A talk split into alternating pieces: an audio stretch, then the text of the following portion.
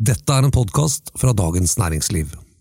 Skatt har vært høstens store politiske debattema, og snart kommer et utvalg med forslag til endringer i skattesystemet. Og hva skjer da? Dette er Den politiske situasjonen, en podkast fra Dagens Næringsliv. I dag uten Eva Grinde, som er på ferie, men med DN-kommentatorene Bård Bjerkholt og Terje Erikstad, sammen med meg, politisk redaktør Fridtjof Jacobsen her i studio. Velkommen.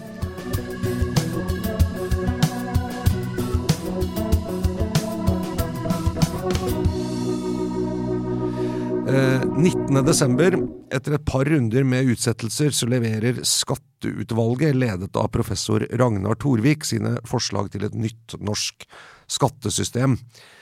Og eh, Terje Erikstad, trenger vi et nytt skattesystem? Ja, det tror jeg er på tide med en utredning om det. Eh, vi har vel sånn tradisjoner i Norge for å utrede skattesystemet med sånn 10-20 års mellomrom, og nå er det Eh, på tide med et, eh, en ny gjennomgang av skattesystemet. Ikke minst fordi det er to, to viktige trekk som, som, gjør at dette er, er, på tide. Det ene er da klimaendringene. Altså man må ha i større grad eh, få til et skattesystem som fremmer det grønne skiftet. Og det andre er den eh, globaliseringen av si, skattefundamentet hvor det jo har vært veldig mye debatt om de multinasjonale selskapene som eh, klarer å sno seg unna eh, skatt omtrent i alle land. Bård Bjerkholt, eh, det har handlet veldig mye om skatt siden statsbudsjettet ble lagt frem i oktober. Eh, både grunnrenteskatt på kraft og laks og i det hele tatt. Men, eh, men ut fra den debatten som har vært, ser du noe svakheter ved dagens system som man kan rette opp med dette utvalget? Altså, jeg vil jo si at uh, Nå er det mulig at politikerne kom uh, dette skatteutvalget litt i forkjøpet uh, med en del av de nye skattene som ble innført.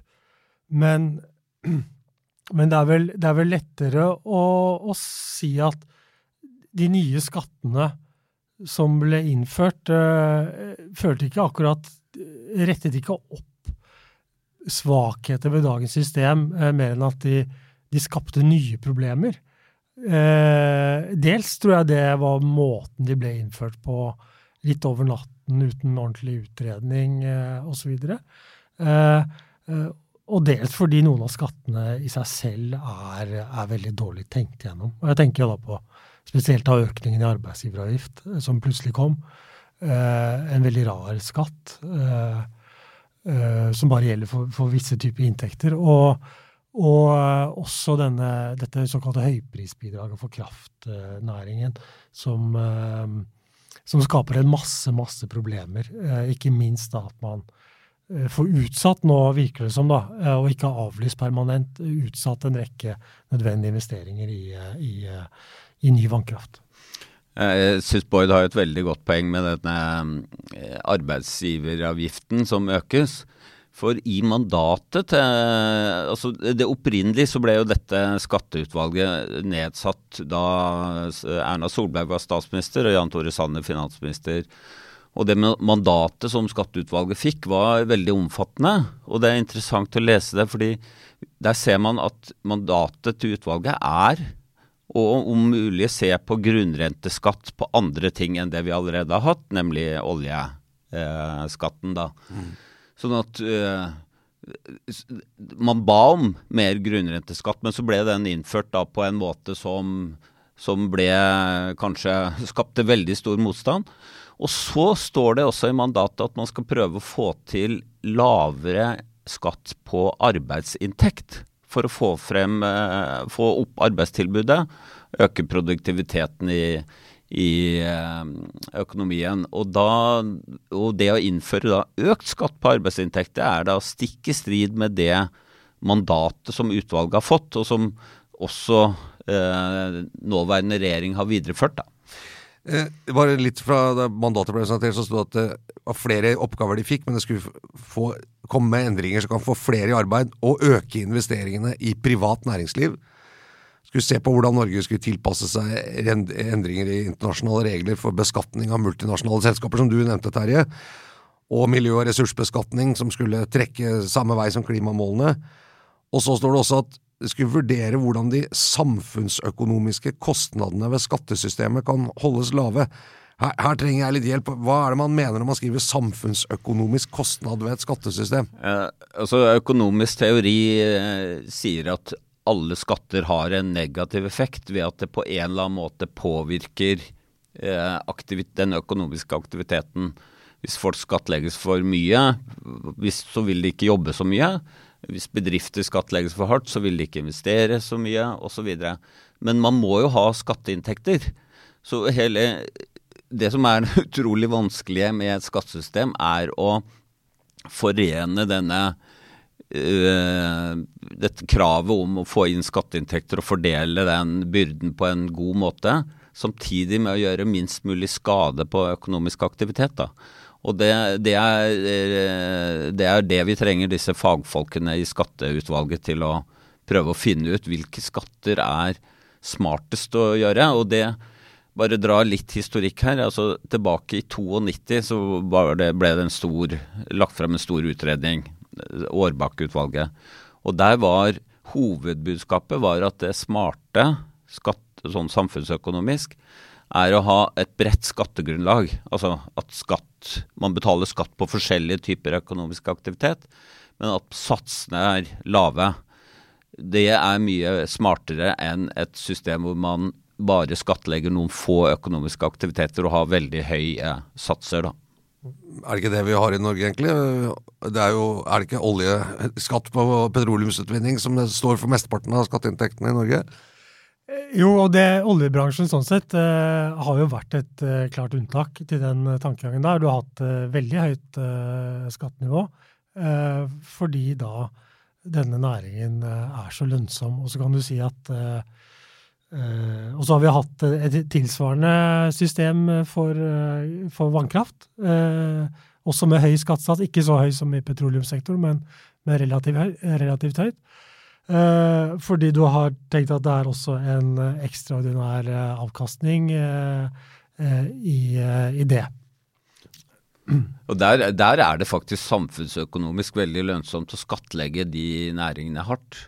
Fordi Fordi der vil man lønn, Lønnsomheten er så god, det er så høy grunnrente, at de vil uansett investere og produsere. Ja. Sånn at uh, så lenge man treffer jeg, med riktig type skatt da, Det har vært mye krangel om oljeskatten òg. Det er ikke sikkert at den skatten har vært optimalt utformet, men nå tror jeg Der ble det jo en endring med såkalt kontantstrømskatt, som jeg tror egentlig er den aller beste løsningen for den næringen. da.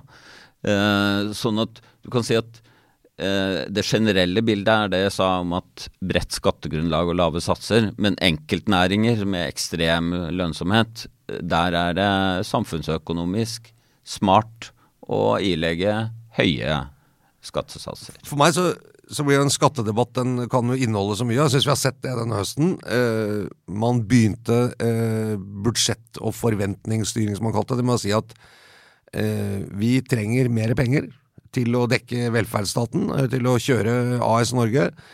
Og, eller staten, og da eh, er det sånn at vi kan ikke bruke mer oljepenger, for da vil det bli for mye stimulering. Og derfor så må vi øke skatten andre steder, rett og slett for å få budsjettet til å gå, gå opp.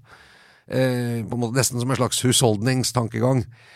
Og så øh, gikk det etter hvert litt mer over i at nei, det handlet om fordeling. Eh, at man skal fordele, da bruke skattesystemet til å utjevne forskjellene mellom de som er rike, og de som ikke er så rike.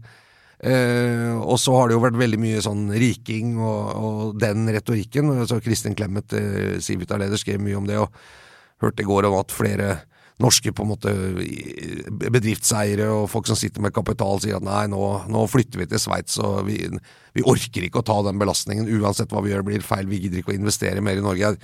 Kanskje litt skremmebilde, men jeg kan jo forstå at det kanskje har vært litt belastende å være det. Men, men når man ser på dette utvalget er jo økonomer, stort sett. Ser de på liksom skatt og skatteeffekt på en annen måte enn politikere? De, for jeg, sånn, politisk retorikk om skatt er ofte litt annerledes enn økonomers retorikk om skatt, syns jeg. Jeg tror ikke det er noen tvil om det. Og jeg tror ja, Kanskje det beste eksempelet på det er dette høyprisbidraget på, på kraft. Hvor, hvor, den politiske forklaringen er veldig enkel å forstå. Og som jeg tror også er populær blant mange velgere, er at dette er jo selskap som nå tjener ekstremt mye penger. Ja. Altså Strømprisen er jo helt helt, helt, har vært helt ekstreme til dels eh, ja, det, vi det siste året. Dem, og vi betaler, eh, ja. ikke sant. Ja. Eh, vi vet hvor mye vi betaler. Og så får vi støtte fra staten, riktignok. Men, men det er klart at en fortelling om at ja, men disse, disse pengene må, må, tas inn igjen. Eh, og spesielt da også når det er offentlig eide selskaper. Det, det tror jeg mange eh, eh, vil si seg enig i. Og så glemmer man litt da at oi, dette kommer i strid med en del andre altså Ikke bare de målsettingene vi har om å bygge ut mer fornybar kraft, men også da måten vi styrer dette kraftsystemet på. Altså, Den, dette høyprisbidraget eh, har jo da konsekvenser for hvordan selskapene eh, holder igjen på vann i magasinene. og det er jo spesielt uheldig altså at mens politikerne da har villet holde igjen vann for å spare til eh, vinteren, så så er en effekt av dette, denne skatten at selskapene får insentiver til å produsere mer. Mm. Ja.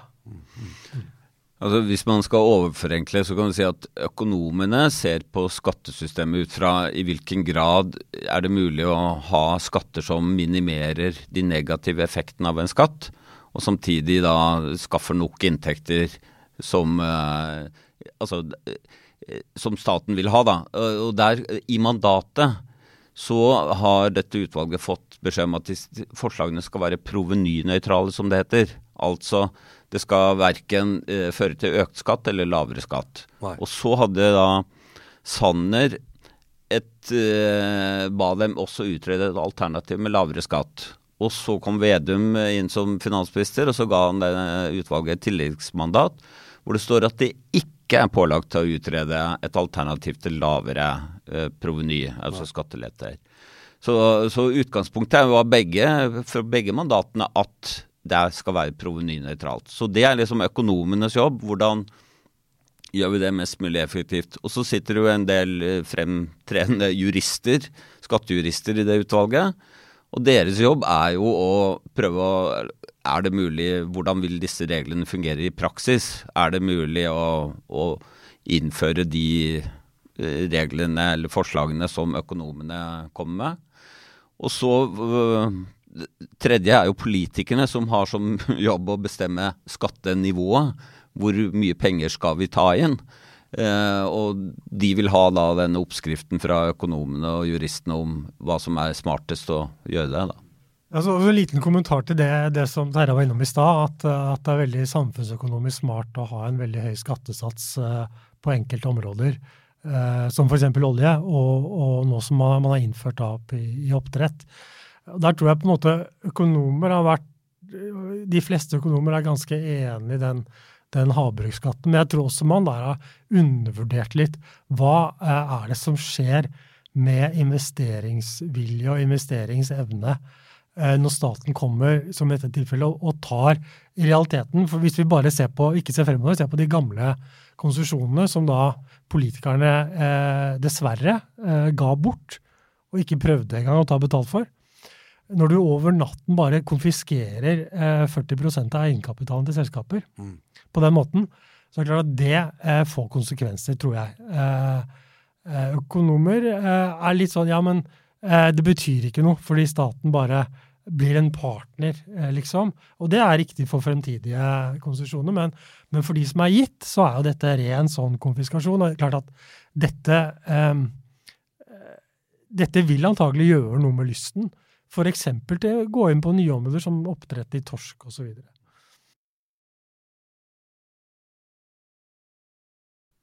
Se litt på utvalgets sammensetning, som dere snakket om i stad, med, med, økonomer og jurister. Men ledes altså av professor Ragnar Torvik. Går det an å plassere han i liksom eh, øko, det økonomiske på en noen sånne akser innenfor hvordan man forstår økonomi? Uh, jeg uh, skal ikke påstå at jeg vet hvor, hva han mener om skatt. Jeg har hørt han eh, foredrag om grunnrenteskatt, som vi har snakket om. Mm hvor han var veldig tydelig og veldig pedagogisk på hvorfor grunnrenteskatt, hvis den er riktig utformet, egentlig er en, håper jeg, nærmest en perfekt skatt, fordi eh, den endrer ikke på lønnsomheten til investeringene, men den fordeler da en del av denne superprofitten til fellesskapet. Eh, så, så, at han er en, eh, en klar tilhenger av grunnrenteskatt, det, det er tydelig. Men, men, jeg har ikke noe Jeg vet ikke om Boyd vet noe mer om hvordan Han har vel ikke markert seg egentlig mest som skatteøkonom. Han, vel, han er jo en uh, samfunnsøkonom av den litt bredere typen. Ja, det tror jeg absolutt eh, vi kan si. Ikke noe sånn spesielt sånn skatteteoretiker. Nei. Uh, men, men, det kan jo være greit også, når du skal lede et sånt utvalg. For du har jo nok av, av, folk, uh, altså både i utvalget og utenfor, som kan, kan utrede mer sånn spesifikke problemstillinger, hvis det skal være behov for det. Ja. En skatt som eh, ofte dukker opp og blir lansert med jevne mellomrom, er jo å flytte skattebelastningen da fra arbeid, eller, eller, eller for seg arbeidende kapital, som man har sagt, noen deler av formuesskattene, over på eiendom og bolig. Mm. Eh, kommer dette, tror dere, nå igjen også i dette utvalget? Eh, mulig jeg tar feil, men jeg kan ikke se at jeg så noe i mandatet som skulle antyde at de skulle gjøre det. Men eh, og, og, vi vet jo hvor eh, si, politisk det er, det er, vel kanskje den type beskatning som hvor, hvor liksom eh, Konflikten mellom hva økonomene mener er riktig, og hva folk flest oppfatter er eh, si, en, en, rimelig skatt, er størst. Eh, for det er jo ikke noe tvil om at det å skattlegge eiendom vi, I Norge så skattlegger vi eiendom mye lavere enn det de gjør i de fleste andre mm. eh, si, sammenlignbare landene. da. Og eiendom kan jo ikke stikke av. Uh, sånn at uh, det skattegrunnlaget er jo sånn sett et veldig godt skattegrunnlag. Ja, nei, vi, vi kan jo altså Jeg er enig med Terje at jeg leser heller ikke mandatet slik at, at dette er en sånn hovedpunkt i, i, i det arbeidet. Men, men, jeg vil jo bli overrasket hvis det ikke kommer en påminnelse eh, om at eh, vi kanskje kunne eh, skrudd opp skatten på, på boliger eh, litt. Grann. Det, det, pleier å komme ja. i sånne utredninger, eh, og så pleier politikerne å neglisjere det. Eh, og nå er det jo andre spørsmål også som brenner mer mm. ikke sant, i debatten. Både dette vi har snakket om med, med, disse, med grunnrenteskatt og den nye på havbruk, men også ikke sant, hva gjør vi med denne flyttestrømmen fra Norge til Sveits. Ja, det må jeg fortelle. Den, kan den stanses med et nytt skattesystem? Ja, altså det, det, det, er vi inne på det som kalles eh, fritaksmetoden og aksjonærmodellen. Bare for å forklare den, så er det en prinsippet sånn, den ble innført ved forrige skattereform, at så lenge eh, kapitalen forblir i selskaper, og blir reinvestert. Et selskap får inn en gevinst eller et overskudd, og så reinvesterer man det. Så skal det ikke utløses beskatning på eierens hånd. Det er bare når vedkommende tar ut, ja. uh, i form av utbytte eller på annen måte, uh, at det blir skattlagt. Og På den måten så har det bygd seg opp veldig store si, ubetalte skatteregninger i systemet. Og det som har skjedd uh, særlig i år, da, er jo at uh, med Kjell Inge Røkke som den mest kjente, er det at mange som, uh, som har nytt godt av den metoden, flytter da til Sveits. Og etter fem år så er de kvitt den skatteregningen til Norge, da. Mm. Og, og, i det opprinnelige mandatet fra Sanner så sto det ingenting om aksjonærmodellen og fritaksmetoden. I tilleggsmandatet fra Vedum, så ble det spesifikt bedt om å utrede tilpasningsmuligheter til det. Og Det er jo det vi snakker om nå, da. Så ja. der vil det utvalget Men nå har det jo kommet allerede under budsjettforliket en, en ny bremse på utflytting eh, som vi ikke helt vet detaljene om, men som gjelder allerede, selv om vi ikke helt vet hva den innebærer.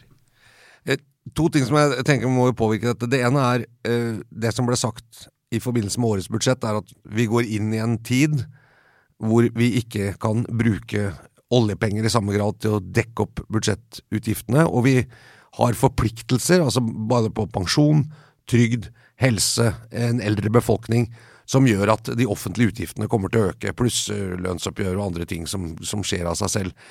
Og dermed så, så snakket man med ja, det mangler 100 milliarder, var jo det Vedum sa. Men er dette en litt mer sånn lengre trend? Går vi inn i en helt ny situasjon for hvordan man skal finne inndekning for budsjetter? Fordi at og da, Som gjør at vi er nødt til å ha et skattesystem som rett og slett lager mer inntekt enn det vi har i dag? Eller er det et skremmebilde? Nei, altså dette har det vært snakket om lenge. ikke sant? At uh, på et eller annet tidspunkt uh, så begynner uh, disse pengene, denne økte tilførselen av kan du si, penger fra oljefondet, å stoppe opp. så vi kan ikke hvert år øke, ha ikke flere penger til nye satsinger i budsjettet. Og samtidig så vil vi komme i en annen skvis, nemlig at du får færre eh, yrkesaktive og flere pensjonister og trygdede, og det eh, vil øke utgiftene. Og, men dette er jo på en måte eh, kjent stoff, og, og eh, så, så, liksom det at eh, de har dratt i så voldsomt i budsjettet nå, skyldes jo andre ting. Eh, det skyldes jo at du får litt sånn ekstraordinære utgifter, og så hadde de dessverre ikke de hadde ikke is i magen til å sitte og vente på dette skatteutvalget. Det virket som de fikk mer eller mindre helt panikk borte i Finansdepartementet og, og, lagde en masse nye skatter nærmest over natten. Eh, for, å, for, å, prøve å få inndekking i budsjettet, istedenfor å ha en mer normal prosess eh, på det. Mm, ja, eh, altså denne perspektivmeldingen som kommer eh, vel hvert fjerde år eh, fra Finansdepartementet, drar jo opp de lange linjene, og det er jo referert til i mandatet. Og der er handlingsrommet beskrevet som mye mer begrenset enn det norske politikere har vært vant med å ha når det gjelder eh, hvor mye mer penger de kan bruke. Eh, men at det, det ble nok ekstraordinært i år pga. strømstøtten, som jo var rundt 40 milliarder, hvis jeg ikke husker feil. Og så var det jo ekstraordinære kostnader knytta til eh, alle flyktningene fra Ukraina. 35 000, vel. Sånn at det er jo en par ting som på en måte gjorde at de fikk en ekstra krevende oppgave. Mm. Og så har det jo skjedd en annen ting som også Finansdepartementet skriver om i nasjonalbudsjettet, nemlig at de helt uh, vanvittige gassprisene i Europa som følge av at uh, Russland stenger gasskranen for å svekke Europa, fører jo til at potensielt vil jo Altså vi, i år får vi jo de høyeste olje- og gassinntektene noensinne, og neste år kan det bli enda høyere, men nå svinger jo ting her. Men, men progno... Altså noen scenarioer som Finansdepartementet har, i nasjonalbudsjettet viser jo at handlingsrommet kan jo bli veldig høyt. Så plutselig har masse penger å bruke igjen. Så, men man advarer selvfølgelig. Finansdepartementet advarer alltid. Men, eh, ja. men, eh, men, eh, man kan ikke utelukke at liksom dette bildet, denne krigen, Ukraina-krigen, faktisk forandrer den statsfinansielle situasjonen ganske kraftig for Norge i flere år fremover. Det er bare det jeg lurer på. Jeg lurer på om liksom, timingen nå med et sånt utvalg, som jeg tror i og for seg, som jeg sier, er et ganske viktig arbeid. Det, og skal man endre skattesystemet på en grunnleggende måte, så, så kre, eller, det krever ikke, men det har vært vanlig at det da blir et bredt forlik mellom Høyre og Arbeiderpartiet og en del partier som gjør at, at skattesystemet ikke skifter eh, med skiftende flertall på Stortinget. Og, og at grunnprinsippene i skattesystemet vi har nå, har vi hatt siden 2006. så det, eh, Sist gang det var et sånt forlik. da i, Og det var jo da 2006 var jo ett et år ut i Stoltenbergs eh, rød-grønne regjering. da. Mm. Men, men, eh, det må jo være en veldig krevende situasjon å begynne med dette på. Det, det ene er at man allerede at skatt nå er et veldig brennbart politisk tema, eh, hvor det er ganske mye retorikk, det er ganske mye følelser, det er en ganske sånn litt polariserende tema. Eh, så, så, det, så, det, er kanskje litt vanskelig å diskutere med innestemme hva som skal være på lang sikt. Det andre er at eh, jo mer det snakkes om skatt, jo dårligere ser det ut til å gå for Arbeiderpartiet og Senterpartiet. Det betyr vel at viljen eller lysten på å inngå et forlik og være med å ta ansvar er kanskje ikke så høy hos Høyre. å tenke at la denne skattedebatten fortsette fram til 2025, for det kan jo tjene oss. At skatt blir en sak. Det, Høyre virker jo som de har relativt stor troverdighet på en fornuftig skattepolitikk, mener mange i middelklassen i hvert fall. Og det siste er at en regjering som står så svakt som det den gjør nå, jeg bare ser ikke helt for meg hvordan man skal få gjennom store reformer. Det, det, det er jo ikke helt tiden når du ligger og skraper nede under 20 for Arbeiderpartiet og, og nesten ned på sperregrensen på Senterpartiet. Du, du, hvordan kan du liksom da si at du Det er en vanskelig politisk sits å komme med noen sånne store endringer på, da, tenker jeg. Ja, eh, det er eh, si, gode argument for at dette blir krevende. Men tradisjonen i Norge er jo å lage brede kompromisser om sånne viktige reformer. Skattereformene, pensjonsreformen, eh, handlingsregelen. Det eneste partiet som på en måte ikke har vært med på det historisk, er jo Fremskrittspartiet. Ja.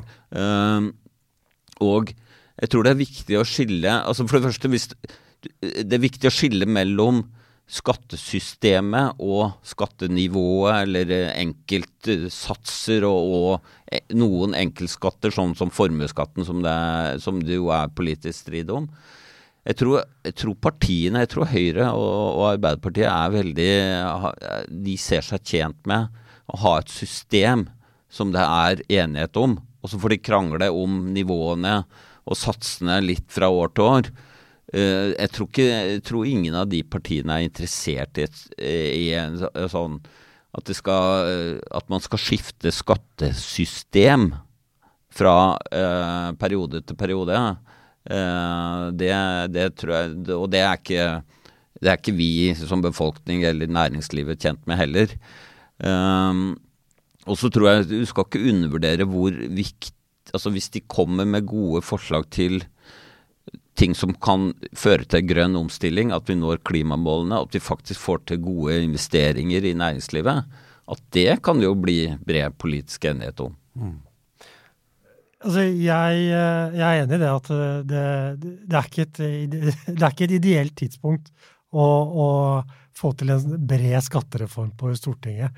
Eh, og det er litt vanskelig å se hva den skal være også, etter at alle disse grepene er tatt på, for, på, forhånd.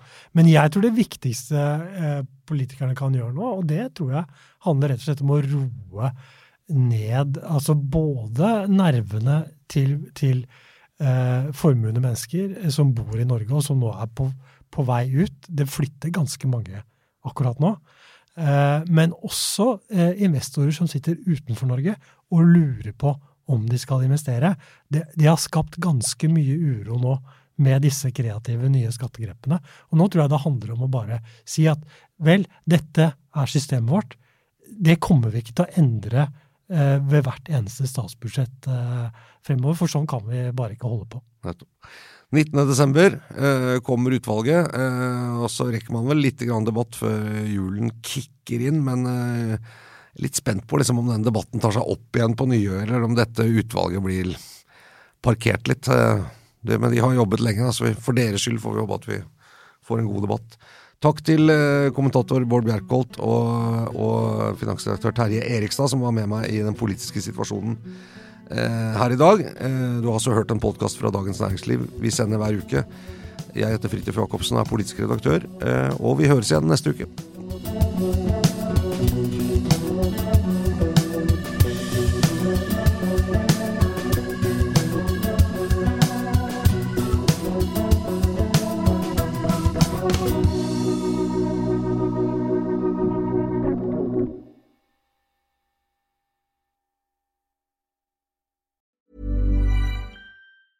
Planning for your next trip? Elevate your travel style with Quince. Quince has all the jet setting essentials you'll want for your next getaway, like European linen, premium luggage options, buttery soft Italian leather bags, and so much more. And is all priced at 50 to 80% less than similar brands.